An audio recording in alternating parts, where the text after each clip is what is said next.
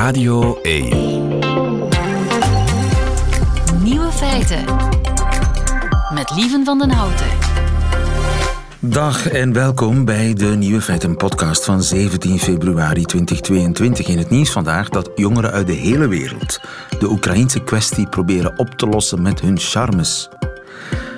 Verschillende Instagram-accounts zijn gewijd aan de Russische president, of Vladdy Daddy, zoals de jongeren hem noemen. En die worden overspoeld met commentaren van jongeren die op flirterige wijze de man ervan proberen te overtuigen om Oekraïne niet binnen te vallen. Zo schrijft er iemand: Oorlog is slecht, baby, doe het niet. Een ander schrijft: Nee, daddy, zo ben je niet. Ik kan je veranderen. Of deze: Val Oekraïne toch niet binnen. Ik zal een braaf poesje zijn. Volgens mij is het opgelost. De andere nieuwe feiten vandaag. Niet alle Chinezen op de Olympische Winterspelen zijn echt Chinees. Twee glazen wijn en u zit aan uw dagelijkse suikerlimiet. Veel mannen maken zich ten onrechte zorgen over hun zaadlozing. En relatiedeskundige Rika Ponet beantwoordt een vraag van een luisteraar die hierop neerkomt: wat als het leeftijdsverschil een probleem wordt? De nieuwe feiten van Christophe van der Goor die hoort u in zijn middagjournaal. Veel plezier. Nieuwe feiten. Wat is een Chinees? Ik vraag het maar omdat er twijfel is over sommige atleten op de Olympische Winterspelen. Chinese atleten. Of zij wel echt Chinees zijn. Gijsbert Onk, goedemiddag. Goedemiddag. U bent uh, hoogleraar aan de Universiteit van Rotterdam, gespecialiseerd in sport en nationaliteit. Ik ben bij u aan het goede adres. Over die Chinesigheid van de Chinese atleten. Neem nu bijvoorbeeld het ijshockeyteam. Ik heb begrepen dat van de 25 spelers van dat Olympische Chinese ijshockeyteam er 15 niet in China geboren zijn. Dat klopt. De meeste zijn uh, geboren in uh, Amerika um, en Canada. Um, en een aantal hebben wel Chinese ouders of Chinese voorouders, maar dat zelfs niet allemaal. Um, dus dat betekent dat het een heel ja, gemengd en uh, divers team eigenlijk is. Ja. En dat is uh, zeker voor een land als uh, China zeer uitzonderlijk. Maar, omdat dus... ze eigenlijk maar één nationaliteit aanvaarden. Ze hebben niet de dubbele nationaliteit. Die, die kennen ze niet in China. Nee, officieel niet. Um, en u hoort al wat ik zeg, officieel niet. Want van een aantal van deze spelers is het eigenlijk onduidelijk. Um, en ze laten ook niks over los aan journalisten. Dus het zou heel goed kunnen dat daar achter de schermen een regeling is getroffen die, uh, die ik niet ken, maar die het wel mogelijk heeft gemaakt dat ze nu voor China uitkomen. Ja, maar wacht eens even. Van dat uh, ijshockeyteam zijn er een aantal spelers die zelfs helemaal geen familiebanden hebben met China. Precies. Ja, dat Zien die er dan Chinees uit? Nee, die zien er niet, die zien er Amerikaans uit. Die zien okay. er helemaal niet Chinees uit. En uh, dat staat dus nu ook uh, heel erg te, ter discussie, zowel in uh, China zelf als, als ook in Amerika. Dat is, maar het is ook weer niet zo uitzonderlijk. We hebben echt wel meer um, teams gehad die um, heel erg divers kunnen zijn in, in grote sportevenementen. vier jaar geleden hadden we in 2018 het Marokkaanse nationale elftal waar 17 van de 23 spelers niet geboren waren in Marokko, maar de meeste wel Marokkaanse roots hadden. Maar ja, hoe ver gaan die roots terug? Soms is het één generatie, soms drie. Dus het is heel uh, fluïde, zou je kunnen zeggen. Ja, nationaliteitsfluïde. Zijn daar geen regels over binnen de IOS, of hoe heet het, de Olympische Organisatie? Ja, het Internationaal Olympisch Comité. Zeker. Um, maar de, de vraag die eigenlijk hiervoor ligt is uh, nou best complex. Aan de ene kant heb je bij het ontstaan van de Olympische Spelen um, was het eigenlijk helemaal niet de bedoeling om het nationale spelen te laten zijn, maar meer spelers van sporters. Dus in, het, in de officiële regels van het IOC staat nog steeds dat spelers vooral zichzelf vertegenwoordigen. Um, en het IOC volgt eigenlijk de sportbonden. En als de sportbonden, de nationale sportbonden zeggen: deze speler mag voor ons uitkomen. En hij of zij heeft een paspoort van dat land. Dan uh, gaat het IOC daarin mee. En nu blijkt dat alle sportbonden, dus atletiek of hockey of ijshockey, die hebben daar allemaal hun eigen regels voor. En zoals we weten hebben landen ook hele diverse regels over wie ze tot staatsburger willen laten tellen of wie uh, niet. En dat, uh, dat verklaart de complexiteit van de situatie. Dus het zou kunnen dat die Amerikanen die in dat Chinese ijshockeyteam zitten, dat dat officiële Chinese staatsburgers zijn.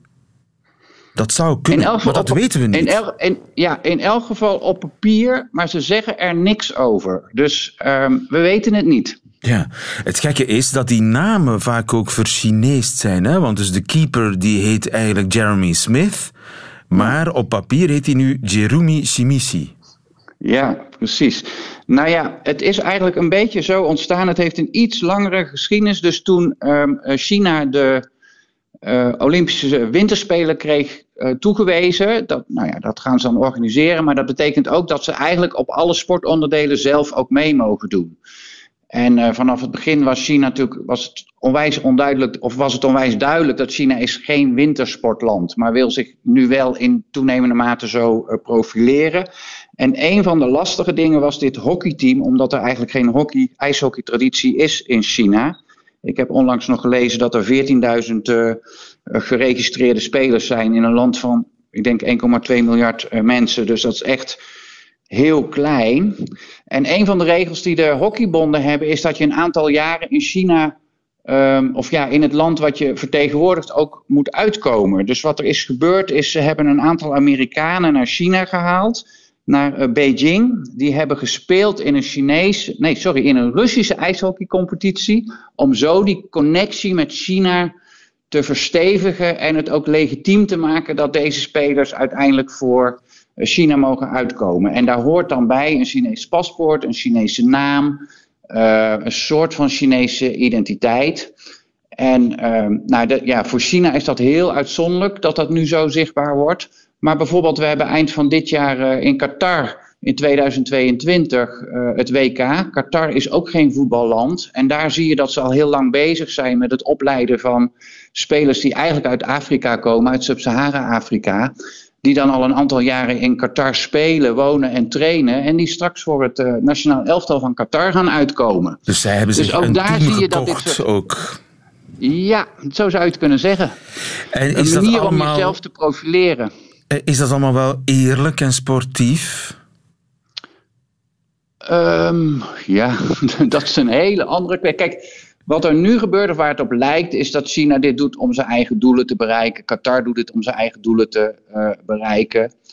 Um, maar de wereld van internationale sport in zichzelf is natuurlijk ook niet helemaal eerlijk. Als je een talentvolle schaatser bent en je bent in Nederland geboren, dan uh, heb je goede kans dat al die talenten zich ontwikkelen en dat je een topschaatser wordt. Uh, maar ja, word je in uh, Portugal geboren of in Marokko, dan wordt dat een stuk ingewikkelder. Dus um, ik denk dat we toe moeten naar een nieuwe vorm van internationale sport, waar spelers weer veel meer zichzelf vertegenwoordigen in plaats van nationale staten. Zoals het vroeger was. Ja, precies zoals het vroeger was. Dus toen uh, Pierre Coubertin de uh, moderne Olympische Spelen weer een nieuw leven inblies in uh, eind 19e eeuw, begin 20e eeuw. Toen ehm, ja, had je bijvoorbeeld bij het roeien was er een team dat bestond uit een Duitser, een Fransman en iemand uit ehm, Wales om er iets te noemen. En uh, dat waren amateursporters, het waren elitesporters, want anders kon je helemaal niet aan sport doen. Maar in die zin is dat misschien een mooi beeld waar we misschien naar terug zouden moeten. En het loslaten van nationale identiteiten zou ook de mogelijkheid kunnen geven om ook andere identiteiten te profileren. Bijvoorbeeld een team, uh, nou ja, zoals we hebben gehad, een team vluchtelingen, of een team mensenrechten, of een team homo's, of een team ik weet niet wat. Dan krijg je hele andere uh, uh, identificatie ook die voor beide nationale identiteiten gaat. Ik zie dat niet heel snel gebeuren, maar het is wel een gedachte maar waar het is een, mee speel. Een, eh, een, hele mooie denkpiste, waarvoor dank professor eh, Onk van de Erasmus Universiteit in Rotterdam. Dank je wel daarvoor. Goedemiddag verder. Dank u, graag gedaan.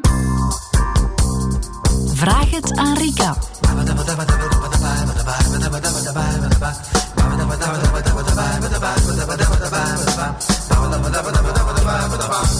Uh, klokvast is ze. Rika Ponet op tijd. Uh, donderdagmiddag vraag het aan Rika. Rika Ponet, goedemiddag. Goedemiddag, lieve. Welkom in Nieuwe Feiten. Uh, wil jij een probleem? altijd, ja, graag. Ik heb namelijk, ik heb er veel en ik ga er eentje uitpikken. Mensen kunnen ons altijd lastigvallen, enfin lastigvallen, ons verrijken met hun vragen aan Rika. Eén mailadres, nieuwefeiten.radio1.be. En Peter die schrijft... Peter is 48 en hij schrijft: Mijn vriendin is veel jonger dan ik. We hebben intussen een relatie van 11 jaar, maar nu is ze op zoek naar zichzelf. Ze was jong toen we samen begonnen en heeft een enorm intense competitieve sportcarrière achter de rug. Nu, door corona, is ze dat kwijt en op zoek naar zichzelf. Alle problemen van de laatste jaren komen naar boven en ze wil alleen verder. Mhm. Moet dit het einde zijn, schrijft Peter. Hoe pak ik dat aan en hoe kunnen we samen verder? Mhm. Ja. Dat ligt op jouw bord, Rika. Het is heel wat. Hè? Um, ja, het eerste wat mij daar in dat verhaal opvalt, ja, één, uh, het is heel duidelijk, zij wil eigenlijk niet verder. Hè. Ja, ze heeft het uitgemaakt volgens mij. Ja, dus... Um, en ze was heel jong. Ja. En hij, neem ik aan, was toen, hij is 48 nu, als ik goed kan tellen, eh, was hij toen 37. Dat was nog... Ja. Uh, en zij zal waarschijnlijk ergens vooraan in de 20 geweest zijn, of rond de 20. Nu, um, ja, zonder in, dat, uh, in de clichés rond leeftijdsverschil te willen vervallen, was zie je toch wel heel vaak, en dat lees ik toch ook een stukje in dit verhaal rond die sportcarrière en zo, dat als er een heel groot leeftijdsverschil is, zeker op die leeftijd, hè, want je kan, de vrouw kan 40 zijn en een man 60, en dan zitten we in een heel ander soort van dynamiek. Dit is eigenlijk een vrouw die waarschijnlijk op dat moment nog volop in ontwikkeling was. Hè. Um, en uh, bovendien heel erg bezig was met een, uh, een focus op die sportcarrière. Met niets, niets anders eigenlijk. Met niets anders. Dus ik vermoed dat hij daar waarschijnlijk een, een heel ondersteunende, zorgende, stimulerende, aanwezige rol heeft ingespeeld en dat zij dat ook zeer aangenaam vond. Dat, uh, dat zijn keuzes die mensen maken, omdat dat op dat moment in hun leven ja, ook perfect past. Vermoedelijk speelt hij ook graag, of heeft hij ook die graag, graag die rol van zorggever of mentor? Mentor, ja. Wat zie je heel vaak in zo'n relatie is dat na verloop van tijd, ja, zo'n vrouw evolueert natuurlijk. Wordt, je bent uitgementord. Ja, die wordt matuurder en die wil eigenlijk naast jou komen staan. Hè, figuurlijk gesproken. Die heeft geen zin meer in ja, uh, te moeten aanleunen of uh, altijd zo dat soort. Ja, mensen zeggen al, eens is een vaderfiguur. Maar voor een stuk is dat wel zo. Hè. Dat is, um, zij heeft het gevoel van: ik kan alleen in die ene afhankelijke um, aanleunende rol gaan staan. Hij zegt, hij is op zoek naar zichzelf. Ja, en wat, wat ik daarin lees, dat is bijna wat kinderen doen naar hun ouders toe. Um, ja, als ouder zorg je voor je kinderen een hele periode. En dan in de puberteit uh, merk je ineens, die hebben ruimte nodig. Hè. Die willen afstand, die nemen die afstand ook. Niet altijd op de meest um, ja, aangename manier. Hè. Door je af te wijzen, door ruzie te zoeken, door laat thuis te komen. Er zijn tal van manieren om aan te geven, geef mij ruimte. Hè. En dat is eigenlijk volgens mij ook wat zij hier naar hem toe doet. Hè. Ze maakt het uit, misschien niet zozeer de man zelf die ze afwijst, maar wel ik heb ruimte nodig. Ik, ik, uh, ik wil mezelf ontplooien. Um, uh, ik wil niet meer in dit type van relatie zitten. Ja. En dan denk ik, is er maar één weg hè, in dit verhaal. In eerste instantie is dat, je zal haar toch die ruimte moeten geven. Hè. Dat, um, en dat is ook Iets anders doen is zeker contraproductief. Absoluut. Ja, hoe meer je probeert om, dat, uh, om haar nabij te houden of um, uh, contact zoeken, uh, dat is ook wat je, wat je merkt ook in een ouder-kindrelatie. Eigenlijk moet je ze laten gaan en een stuk vertrouwen hebben. Ze komen terug.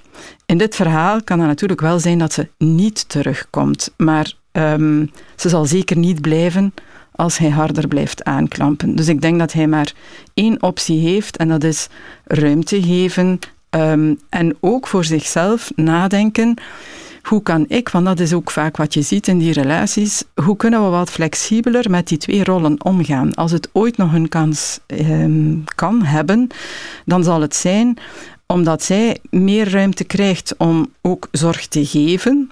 En hij in staat is om niet alleen die behoefte van zorgverlener in te vullen, maar ook in staat is om uh, zijn andere behoeftes, zijn meer kwetsbare behoeftes, om die in de relatie te brengen.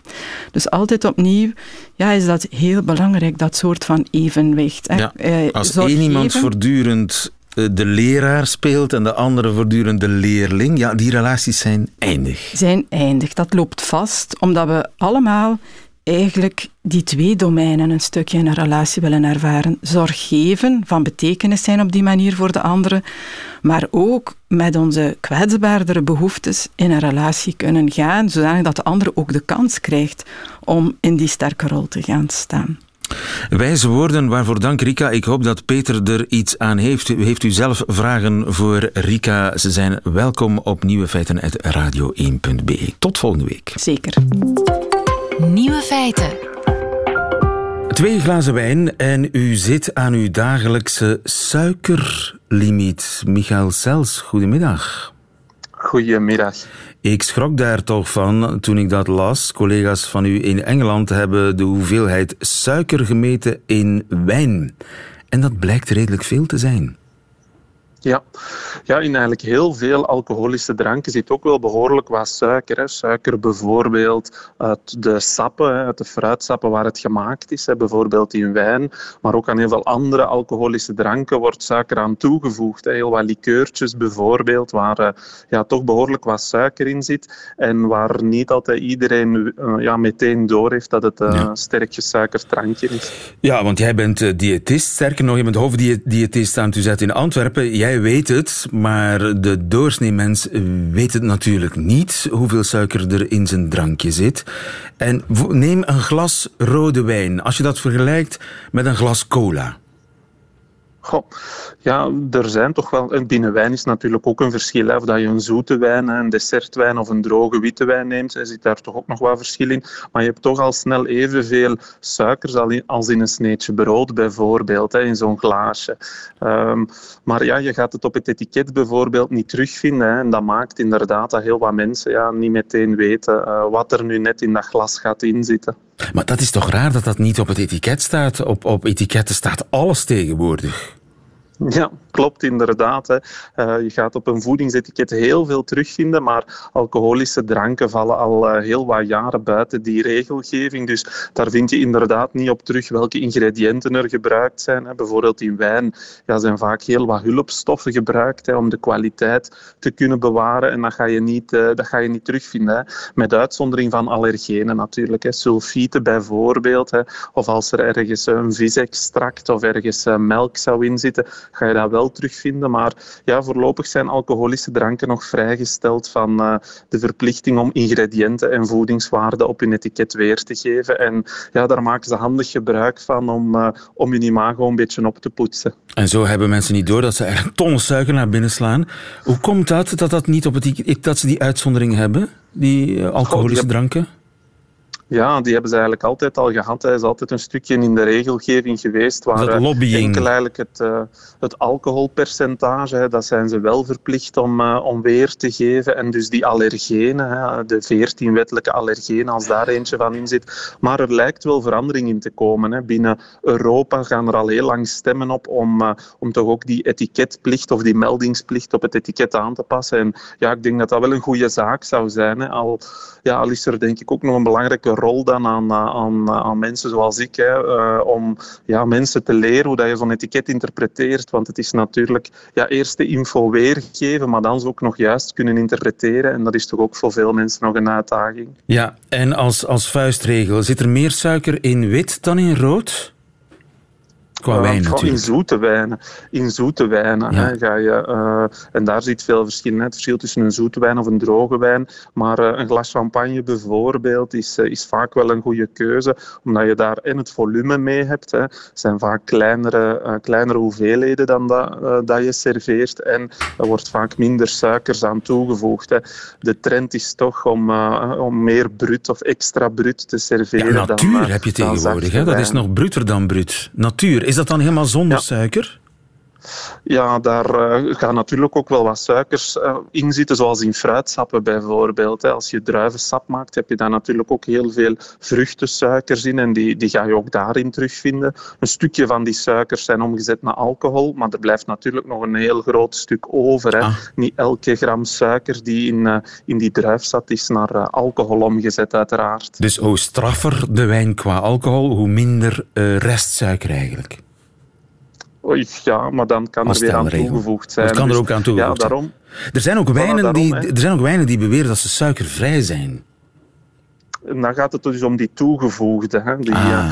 uh, waar het niet wordt aan toegevoegd. Hè. Dus... Klassiek wordt er in, in wijn vaak toegevoegd, hè, maar meer en meer ja, zijn mensen wat uh, ja, geïnteresseerd in suikers, in koolhydraten. En vandaar dat er ook wel wat fabrikanten zijn die ja, zo'n claim op hun etiket zetten en daar, daarbij eigenlijk ook gebruik maken van die misleidingen om, om enkel weer maar te spreken over die toegevoegde suikers, terwijl er natuurlijk veel meer in zit dan enkel maar ja, dat, dat klein stukje suiker dat, dat op het einde soms wordt toegevoegd. Ja, dus uh, dringend nood aan meer duidelijkheid op etiketten, want je wil gewoon niet weten wat er in een glas Bailey zit, hè? denk ik, qua suiker en vet. Inderdaad, in zo'n likeurtjes bijvoorbeeld, hè, ja, je haalt er eentje aan, daar ga je natuurlijk ook nog wat room en wat vet en wat suiker en daar ga je heel veel in terugvinden. Er zijn sommige, een, een sommige drankjes waar je waar je cocktails mee maakt, hè, waar dat je soms al uh, 500, 600 kilocalorieën gaat terugvinden in zo'n één drankje. Ja, dat is gigantische hoeveelheid natuurlijk. Hè.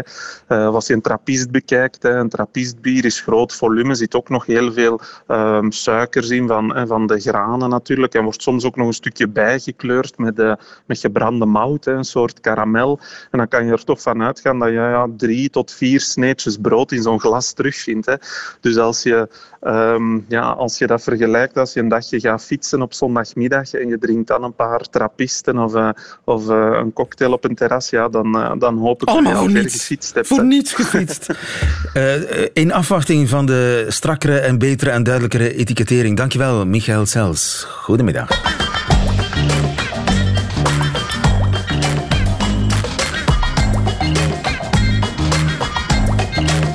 Nieuwe feiten.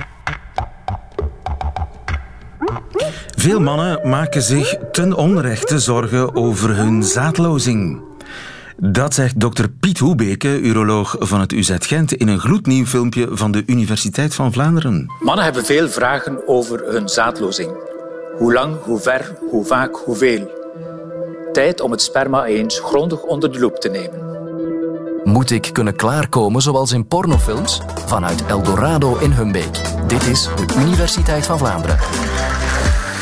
Piet Hoebeke, dokter Hoebeke, in een nieuw college van de Online Universiteit van Vlaanderen. Goedemiddag, dokter Piet. Goedemiddag, lieven. Wekelijks krijgt u mannen over de vloer met klachten over hun zaadlozing. Klopt dat? Ja, eigenlijk klachten niet, maar vooral onrust. Hè. Ze maken zich zorgen over, uh, ja, is het wel normaal? Hè? En, en, natuurlijk, de titel van de lezing geeft het aan. Hè. Waarom, waarom maakt men zich zorgen? Omdat men een vergelijkingsmateriaal zoekt, vooral in porno. En in porno is het altijd heel veel, heel ver.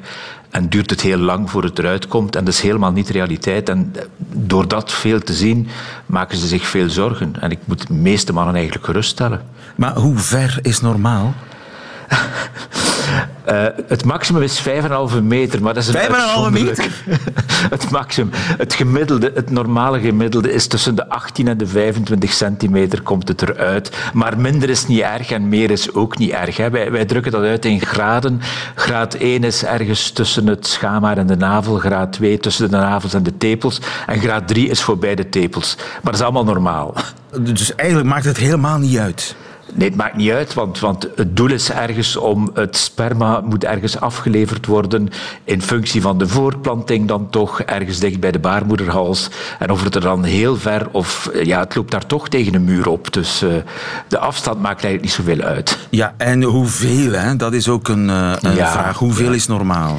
Ja, tussen 2 en 8 milliliter, om u daar een beeld van te geven. Een koffielepeltje is 5, een theelepeltje is 10. Dus ergens tussen een koffielepeltje en een theelepeltje is normaal. Maar het mag ook meer zijn, het mag ook minder zijn. Maar en, de grootste groep is tussen 2 en 8. En veel mannen maken zich zorgen daarover dat het te weinig is. Ja, ja, dus, ja sommige mannen maken zich daar zorgen over. Die vragen dan, ja, ik heb zo weinig sperma, hoe komt dat en kan ik er iets aan doen? Dat is dan de belangrijkste vraag. En, en daar is het antwoord vooral dat je er relatief weinig kan aan doen. Als je echt meer wil... Sparen? Is vaak een... Ja, ja, dus kijk, heel, heel, heel hoge opwinding zal helpen. Lang tussen twee beurten door. En veel water drinken helpt ook. Want uh, alcohol doet het tegenovergestelde. Dus jouw, jouw hydratatiestatus noemen we dat. Hoeveel vocht er in jouw lichaam zit. Als je veel alcohol drinkt, dan droog je wat uit. Zal je wat minder sperma aanmaken. Als je dan veel water drinkt, zal het wat meer zijn. Maar dat zal niet zichtbaar meer zijn. Dat zijn allemaal heel kleine verschillen in die volumes. Hè. Dus ik denk dat we vooral de mannen moeten overtuigen dat het niet veel moet zijn. Het is niet omdat het in pornofilms altijd heel veel is en heel ver gaat, dat dat het normaal is. Ja, en dat, die, die afstanden, kun je daar invloed op uitoefenen?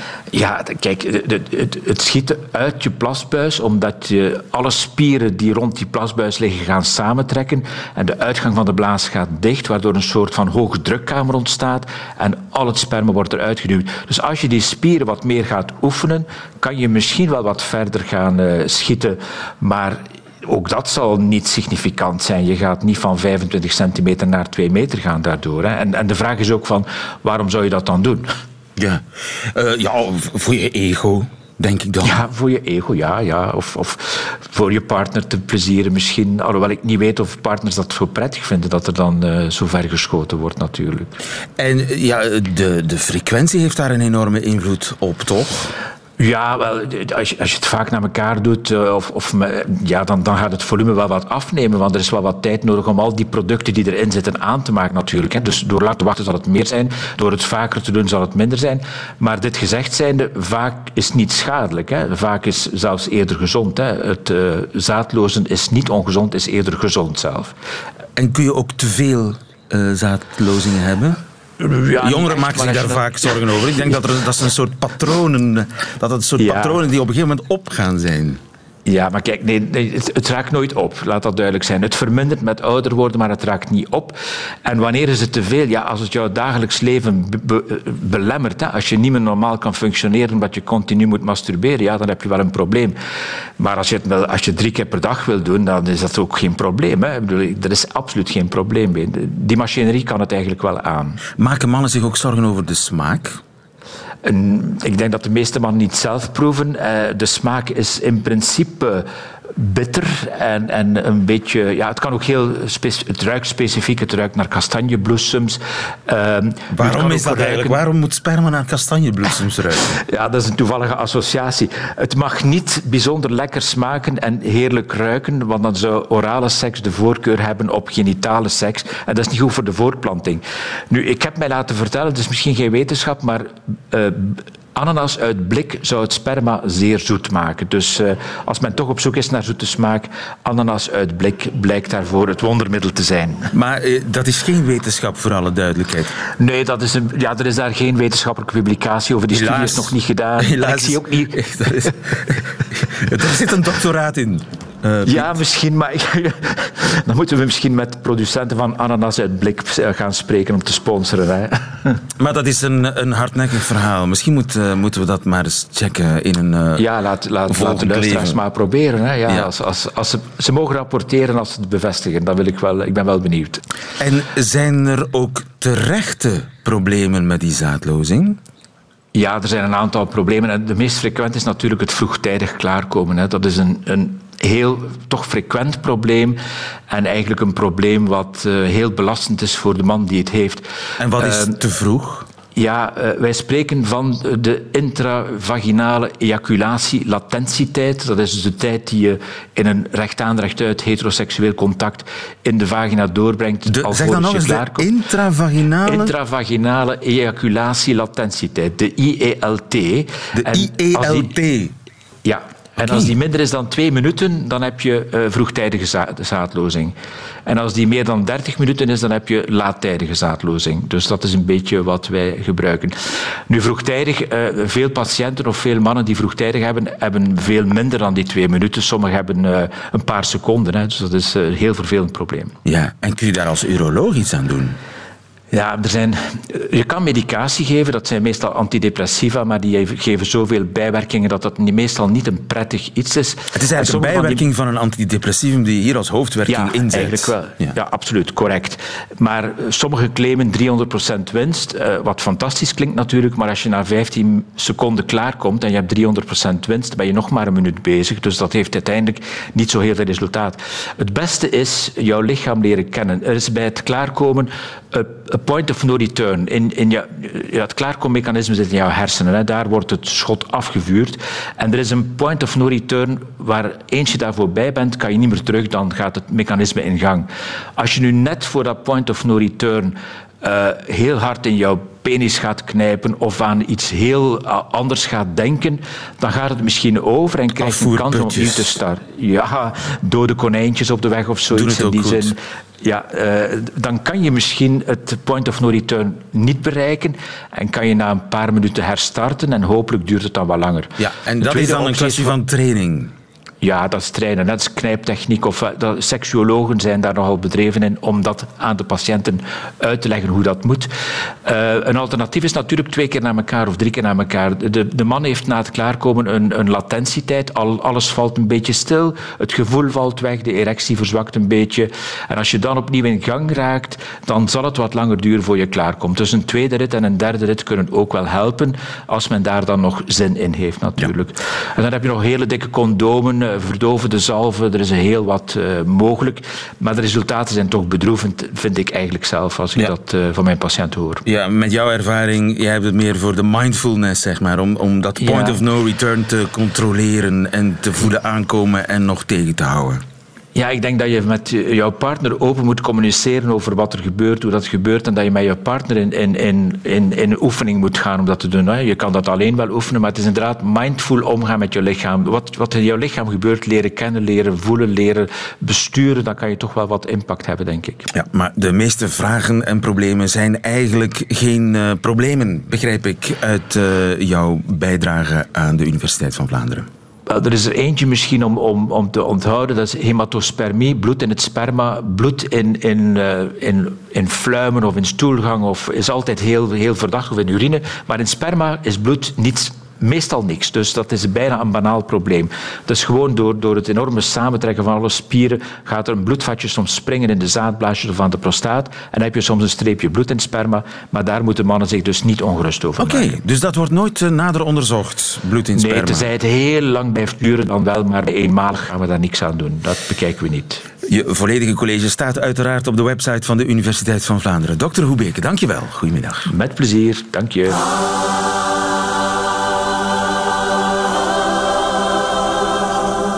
Feiten.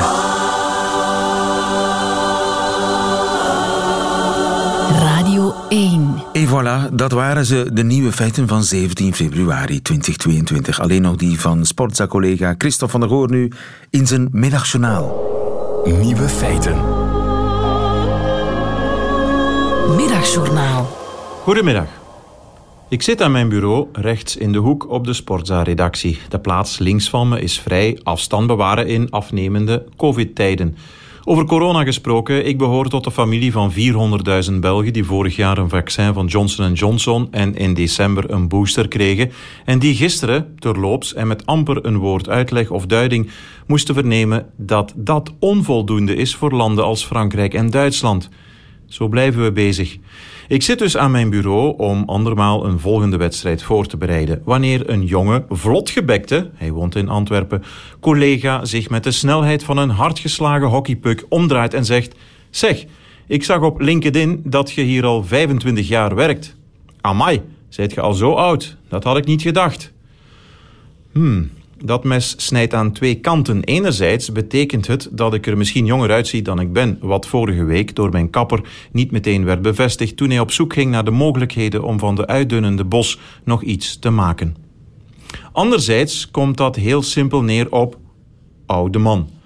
Wel ja, dat is ook zo. U mag dat gerust weten. We zijn intussen begonnen aan de tweede helft. De rust. De pauze is voorbij. De scheidsrechter heeft gefloten voor de laatste 45 minuten. We zitten na de koffie. Zoiets. Ach, zo wat. Het lichaam doet af en toe iets sneller pijn, dat klopt. Maar het cliché ook. Namelijk, je bent maar zo oud als je je voelt. En dus ging ik in de late woensdagnamiddag lekker voetballen met de jongste zoon. Hij vooral duikend naar de bodem. Thibaut Courtois in gedachten. Ik balletje trappend zonder al te veel van positie te veranderen. Tijdens de winterspelen moet ook de verslaggever zijn krachten goed doseren. Voor het slapen gaan is het belangrijk dat de hersentjes van jonge kinderen niet meer te fel worden geprikkeld. En dus keken we s'avonds nog samen even naar de verhulstjes. En voor u conclusies trekt, ik vind Gert een echte vakman. Tanden gepoetst en bed in. En toen kwam de vraag: Papa, gaat het oorlog zijn binnenkort?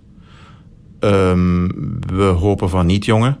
Waarom willen Oekraïne en Rusland oorlog voeren?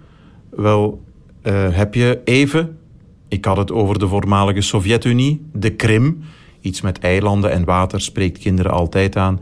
En dat Poetin het blijkbaar niet zo leuk vindt dat Oekraïne naar de NAVO longt. Het zal wel meevallen, jongen. En als het zou gebeuren, wel, dat is ver van hier, probeerde ik te sussen. Nee, dat is niet waar, sprak hij kordaat. Oekraïne ligt tegen Polen, Polen tegen Duitsland en Duitsland is een buurland van ons. Daar had ik even niet van terug.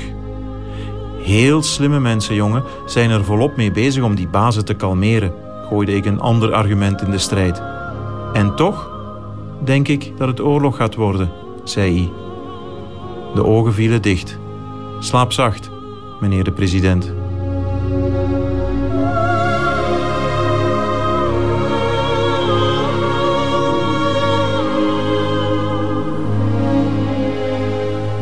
Het leven zoals het is, Christophe van der Goor in het middagjournaal. Einde van deze podcast. Hoort u liever de volledige nieuwe feiten met de muziek erbij? Dat kan natuurlijk via radio1.be of via de app van Radio 1 of gewoon live op de radio elke werkdag tussen 12 en 1. Tot een volgende keer.